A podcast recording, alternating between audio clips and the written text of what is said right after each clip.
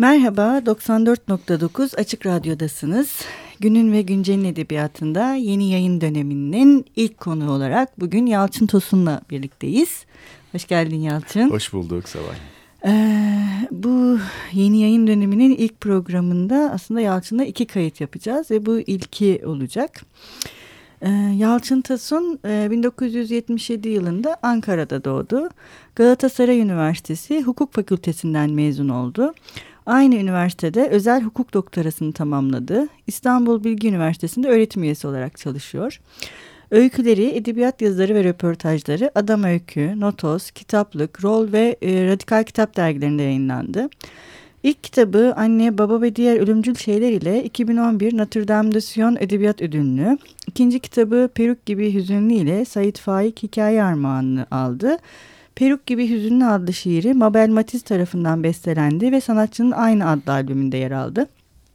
Ee, bütün eserleri e, şimdilik hikaye e, türünde eserler. 2009'da Anne Baba ve Diğer Ölümcül Şeyler, 2011'de Peruk Gibi Hüzünlü, 2013'te Dokunma Dersleri ve 2015'te Bir Nedene Sunuldum yayınlandı. E, bütün eserler Yapı Kredi Yayınları tarafından yayınlanıyor Yalçın Tosun'un. Ee, şimdi aslında biraz şeyle başlayabilir miyiz diye düşündüm ben. Tabii hikayelerde konuşulacak çok şey var ama yani bütün bu hikayelerde benim en çok dikkatimi çeken şey oldu. Yalnızlık. Yani karakterler bir şekilde yani insanlarla iletişimleri ve ilişkileri olsa da daha çok kendilerine bakar bir haldeler. Yani o kendilerine bakıştan e, bir türlü kurtulamıyorlar ya da kurtulmak istemiyorlar gibi. Yani öyle bir şey gördüm ben. Benim en çok dikkatim o çekti. Daha doğrusu hepsinde neredeyse ortak gibi geldi bana. Bir nedene sunulduğum için daha çok. Evet onda giderek yoğunlaşıyor. Valla yalnızlık e, benim çok sevdiğim bir şey aslında. Yalnızlık e, çok böyle e, şikayetçi olduğum şey kişisel olarak Hı-hı. düşündüğümde. Öykü karakterleri ise yalnız e, kaldıklarında birçok şeyi fark etmeye başlıyorlar. Kimisi de bundan çok mutlu değil. Özellikle öykülerin e, özellikle bir nedeni sunduğumuz son kısmında yaşlılıkla yoğunlaşan Hı-hı. yaşlılık yaşlı evet, insanların ya. hikayelerinde yalnızlık biraz daha ağrılı. Ama bence hepsinde yalnızlık bir şeyleri keşfetmek için sanki gerekli hmm. bir evet. e, ortam sunuyor onlara. Çünkü e, birilerinden bir şey öğreniyoruz, ilişki içinde bir şey öğreniyoruz. Hı Ama son tahlilde bütün onların o mayası yalnızlıkta tutuyor gibi sanki. Hı E, bu yüzden de e, yalnızlık var öykülerde. Bir de bu yalnızlık ve karakterlerin kendi içlerine bakıp ya da içlerinden dışarıya bakıp bunun da mesela senin edebiyatında önemli olduğunu düşünüyorum. Ben kendi içlerinden dışarıya bakabilen karakterler bunlar ve o yüzden hani keşfetmek onlar için önemli bir şey. Evet. Keşfederken de söz de önemli bir şey haline çok, geliyor. Çok. Ve e, bu yani hikayelerin kurgularını da oldukça etkiler bir şekilde ortaya çıkıyor ve yine bu son kitaba doğru hani biçimsel arayışların ve bu sözün yerini bulmasının e, önemli bir şey haline dönüştüğünü mesela ben düşündüm yavaş yavaş. Ee, söz çok önemli. Tabii yalnızlıkta insanın koyulttuğu düşünceler bir, bir biriyle karşılaştığında dışarı çıkıyor. Fakat e, çıkarken e, her zaman içimizdeki gibi çıkmıyor. O yüzden Hı -hı. söz bir evet. taraftan da yanıltıcı bir şey. Evet. Tehlikeli bir şey. İşte Aynen. söz ağızdan çıktı bir kere. Ondan sonrası tehlikeli. O yüzden sözün kıymetini bilen, hı hı. tehlikelerini de bilen e, hı hı. hikayeler galiba bunlar. E, ah, evet, aynen öyle. Pardon. Yo rica ederim. E, e, o yüzden de tasarruftan yana. Evet e, tam da ben de onu söylemek istiyorum biraz da. Hani tasarruftan yana bir de şey var hani senin hikayelerinde aslında hani e, çok acı, kaba hatta çoğumuzun gözünü çevirdiği gerçeklikler de var. Fakat bu gerçeklikleri senin anlatma tarzın böyle şey gözümüzün içine sokmak değil. Hani bazen bir kelime yetiyor mesela evet. o hikayede. Tek bir kelime ya da evet. bazen bir cümle ya da hatta bazen bir karakterin bir başka bir şeye ya da birine bakışı birden hani biz şeyle karşılaşıyoruz. Ha böyle değil. Yani evet. Evet orada belki söz de yok ama hı hı. şeye dönüşüyor. Hı hı. Ee, olması gerekenin ya da olan gerçekliğin e, tam da tekinsize davet edildiği bir yere dönüşüyor. Ama, hı hı. Ve bunu tek bir kelime ya da cümleyle yapabiliyorsun yani. Hani her hı hı. şey çok olağan, sıradan ve rutinmiş gibi görünürken. Evet, birden değişiyor. Her şey değişiyor. Ee, ben aslında sözden bahsettik ama e, hareketlerin dilinden çok besleniyorum. Hmm. Şimdi sen söyledikçe insan tabii yazdığı şeyler üzerine bu açıdan çok fazla düşünmüyor ama hareketlerin dili e, çok daha önemli birçok açıdan günlük hayatımızda da. E, yeri geliyor bir jest, bir bakış, bir iç çekiş e, bir sürü sözün e, içini dolduruyor. Bunu edebiyata aktarabilmek çabasında biraz da e, kendimi görüyorum. Hı hı. E, onca hareketin içerisinde söz zaman zaman e, bir yere geliyor ve boğuluyor. Çünkü hareket zaten insanların yani şunu demeye çalışıyorum aslında. E, bir karakterin bir şey hissettiğini sözle belirtmektense hı hı. onun neden öyle hissettiğinin koşullarını ve o anki hareketleriyle bunu yansıtmak sanki gerçek hayatla daha e, örtüşüyor ve okurun gözünde bunu daha iyi canlandıracağını düşünüyorum. Evet. Çünkü söz evet çok önemli bir şey ama Hı. edebiyat açısından düşünürseniz e, o da ayrı bir tehlike. Yani herkesi Hı. konuşturmak ve hislerini konuşturmaktansa o evet. hislerin e, yola çıkış noktalarını ve nasıl ortaya çıktıklarını anlatmayı daha çok seviyorum. Evet mesela bu o yüzden şey de önemli gibi yine bu giderek teknik arayışlar hani son evet. kitaba doğru evet. hani bu tam da senin söylediğin hareket ve söz arasındaki ilişkinin yani bir problem gibi ele alınıp e, bunun nasıl daha rafine işlenebileceğine dair bir e, şey de var herhalde yani kendi edebi çizginde bir şey. E, mesela bir bunu konuşmak istiyorum ama bir de şey de ben mesela dokunma derslerinde kibritçi kız diye bir hikaye var. e, bu hikaye çok ilginç. Ben, benim kendi okur tecrübem açısından ben bunu çok ilginç buldum. E, bir defa şeyi çok merak ettim. Yani bunu bu şekilde bu formda ve böyle yazma fikri nasıl? Çünkü ben kibritçi kız hikayesini yani o masaldan nefret ederim gerçekten. Yani çocukken de çok kendi oğluma hiç anlatmıyorum. Evet. Bilmiyorum sen anlatıyor musun Hayır. ama. fakat ama birileri bir yerlerde anlatıyor evet, yani. Tek fakat bu hikaye yani o masaldaki evet. bütün neredeyse hani korkunçluğa verilmiş bir cevap gibi. Evet. Yani ki hikayenin kendisinin de yani teması neredeyse o ortaklığı barındırmasına rağmen. Evet. O yüzden bu kibritçi kızı ben çok sevdim anlatayım, mesela. anlatayım kibritçi kızı. Ee, şöyle oldu. Benim e, güzergahım genellikle çalıştığım yerden de kaynaklı ve aslında hayatımın büyük bir çoğu e, Beyoğlu'nda geçti benim. E, ve hı hı. E, kibritçi kıza ilham veren ya da kibritçi kızı düşündüren bir e, kişi vardı. Orada gerçekten hikayeden hikaye okuyanların da bileceği gibi e, piyango satan ve seks işçiliğini bırakmak isteyen bir e, travesti den bahseder öykü. Ee, tabii ki gördüğüm kişi e, bu kişidir demiyorum öyle bir şey söylemiyorum ama e, bir şekilde o içlerinde içli, içinde bulundukları hayattan hı hı. kurtulma çabası ve onu gördüğüm anda işte e, tam yılbaşı arifesi biliyorsunuz yılbaşı piyangolarının hı hı. satıldığı kar karın yağdığı bir ortamdı ve kibritçi kız masalından ben de hoşlanmam. Yani çocukların böyle ciğerini sökmeye gerek yok daha o yaşlarda. e, bu nedenle e, e, tabii ki aklıma hemen kibritçi kız geldi ve e, birleşti ikisi. Gördüğüm o kişiyle kibritçi kız benim muayilemde tek kişiye dönüştü.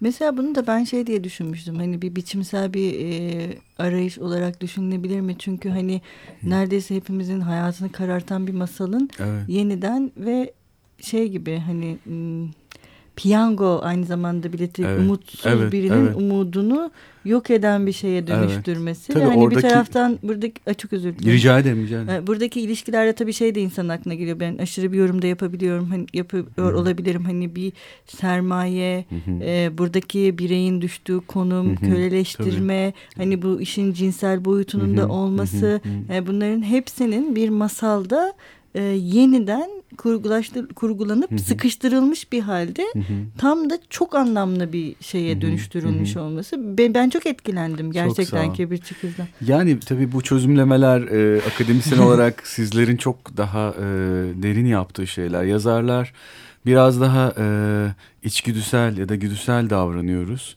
E, bu çözümlemeleri duyunca ben zaman zaman e, seviniyorum ve şaşırıyorum da kimi zaman.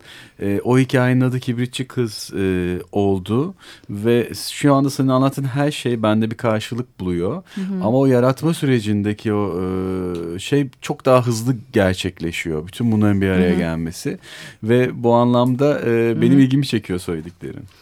Yani bir de e, tabii şimdi ikinci bölümde konuşmaya devam edeceğiz. Bu özellikle teknik meseleleri konuşmak istiyorum ama hı hı. biz bir ara veriyoruz. Hı hı, ikinci tamam. bölüme geçmeden önce ve e, genelde şa kitaplardaki şarkıları. Aa, çok heyecan verici benim için. Müzik benim için çok önemli çünkü. evet çalıyoruz. E, sen ne çalmak istersin? Ne çalalım?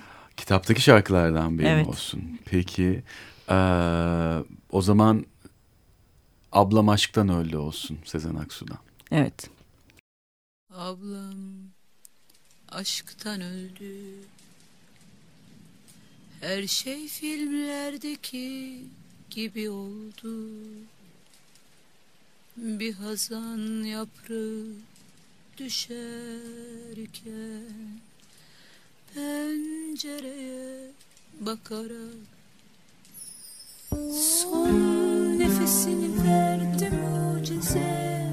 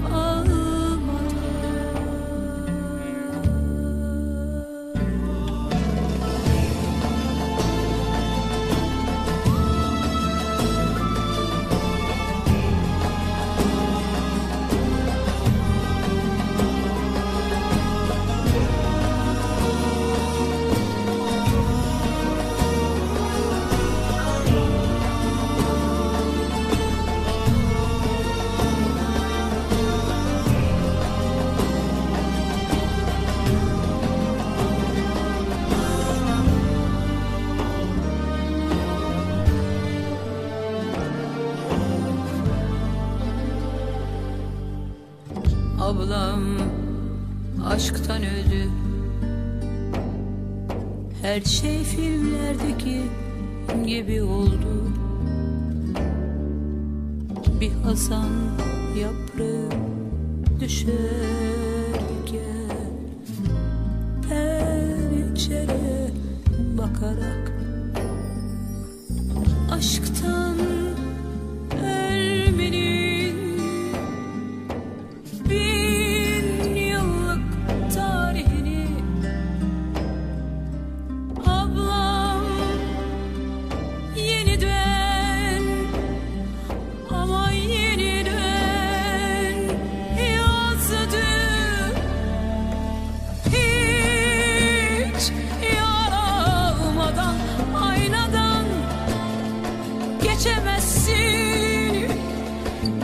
geçemezsin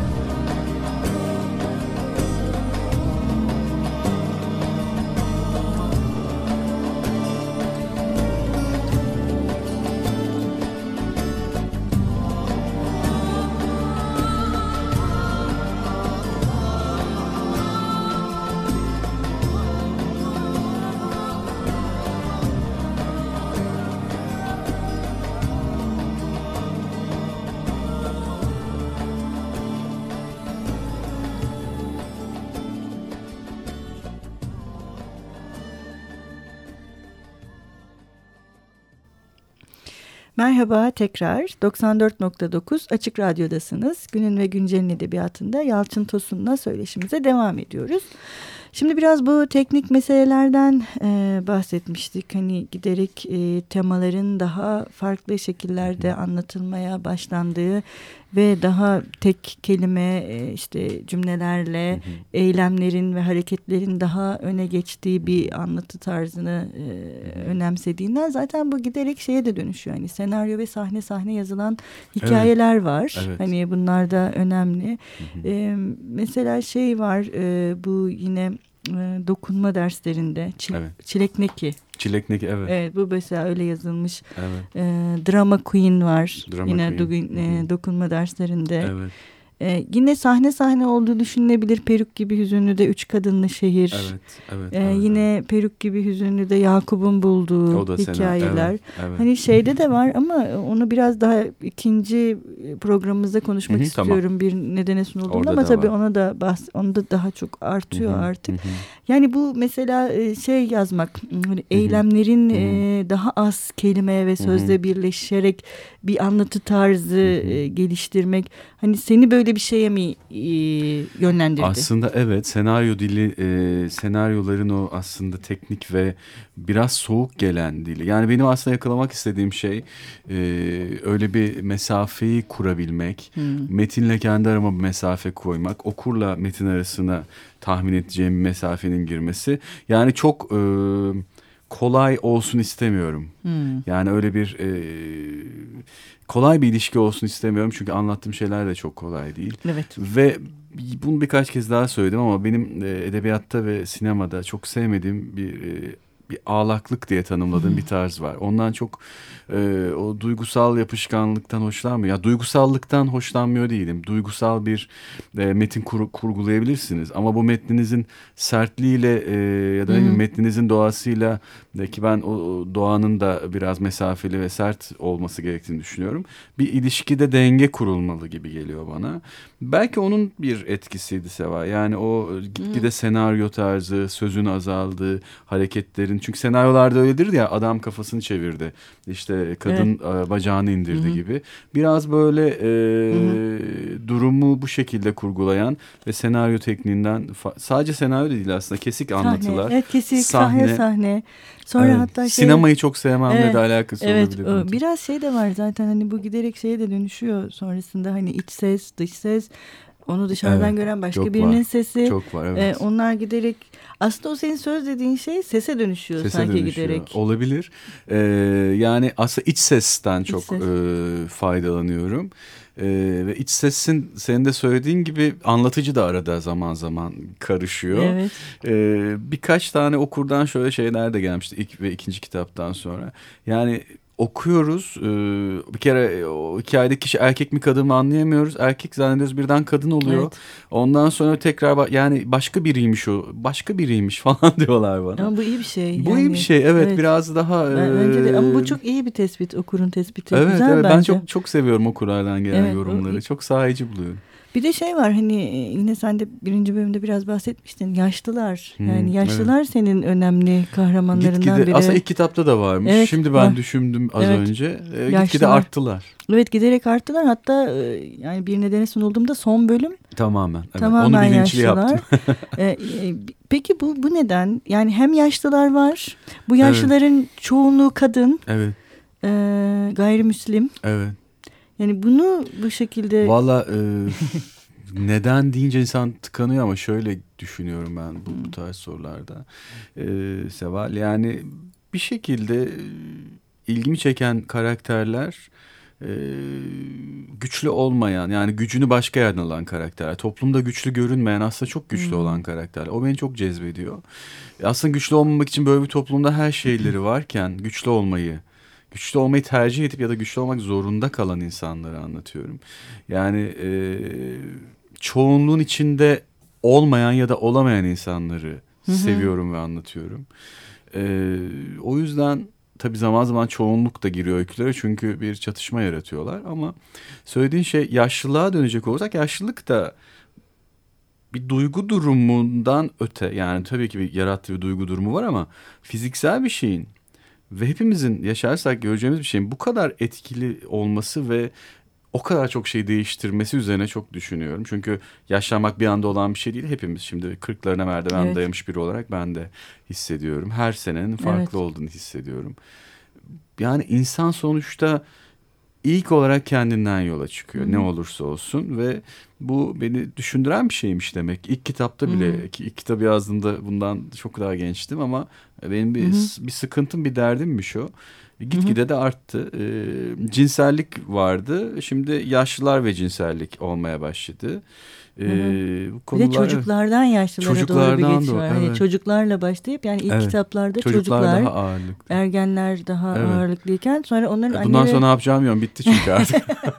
Yaşlardan sonra ne anlatacağım bilmiyorum. ölüm Bitirdim. ölüm sonrası. Başka bir boyuta geçeceğim artık. Ama şeyde e, yani biz bunu hani dönemin atmosferi içerisinde burada birçok yazarla da konuştuk. Hani bu çocukların karakter olarak daha Hı hı. çok görünür olması, Hı hani e, sonra işte ergenlerin o dilin e, edebiyata girmesi, Evet İşte arttı bu gerçekten. o çok büyük bir artış var Arttı. yani 2000 yılında hatta yani böyle şey gibi neredeyse baktığın hikayelerde çocuk kahramanı Evet. olmayan bir yazar Evet, yokmuş yok, gibi bir şeye yok. e, dönüştü. 2000'lerde özellikle Evet değil mi bu 2000'lerde arttı? bu bayağı bir Doğru. arttı.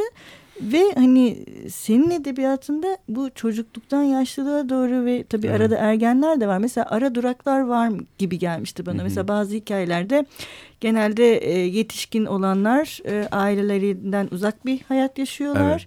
Ve anne ve babalarıyla ilişkileri mümkün olduğunca uzakta Uzak, tutmaya evet. çalışıyorlar. Evet, Ve aslında o anne ve babaların onları rahatsız eden bir tarafı var. evet. Fakat bir taraftan da orada olmaları gerektiğini Gerek- düşünüyorlar. evet, evet. Yani bu bir ara durak mı? Hani bu şey gibi geliyor bana.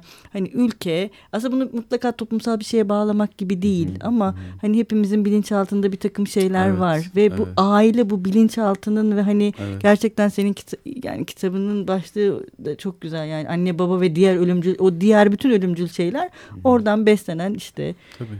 bizi Ya, Çok haklısın ve o bir kopuşu bir türlü yapamamak gibi. Evet.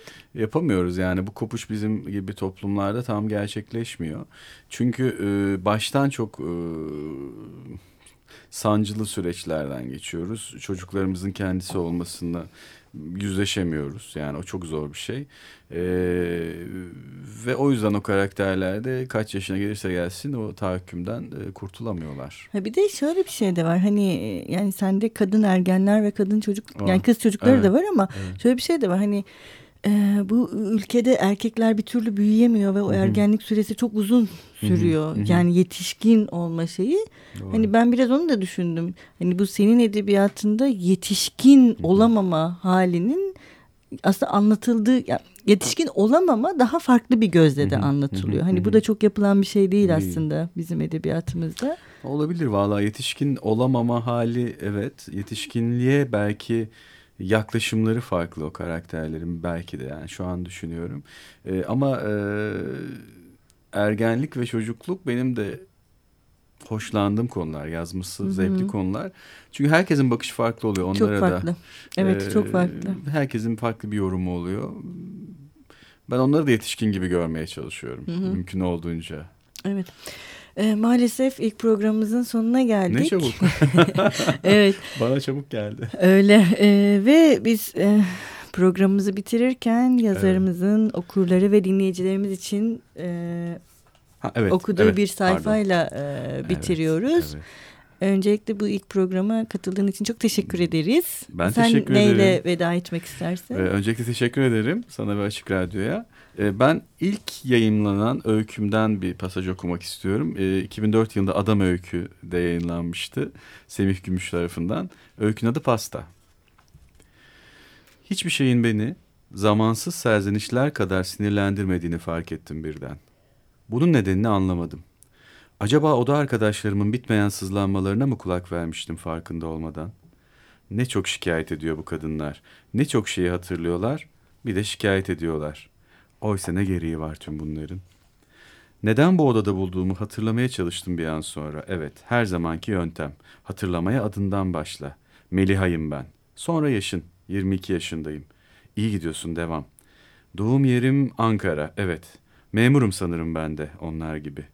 Yeni başlamış olmalıyım çalışmaya. Çalışır gibi yapmalısın çalışmasan da, demişti tecrübeli olan. Evet, nihayet. Böylelikle bu hayattaki esas rolümü de hatırlamış oldum. Memurum ben, boru değil. Belediyedeki bu işe sokana kadar neler çekti babam. Beni okuturken çektikleri, ya anneme çektirdikleri, bütün hayatın ona yüklediklerinin esiri yapmıştı annemi. Olsun, öldü o da. Biraz oldu. Babam duruldu. Bize zararı yoktu zaten. Yok muydu? Annemleydi derdi. Ama dürüst adamdır. Okuttu kızını, belediye memur bile yaptı. Şimdi de evlenme yaşın geldi diyor. Evlenme yaşı, komikleme at damlaması. Hayır baba, evlenmeme yaşındayım ben. Hem sevmiyorum erkekleri. Kadınları çok sevdiğimden değil, yanlış anlamayın. Erkeklere özel bir garezim var. Aslında evlenmeliyim belki. Böylelikle en azından birinin hayatını zehretmem garanti olur.''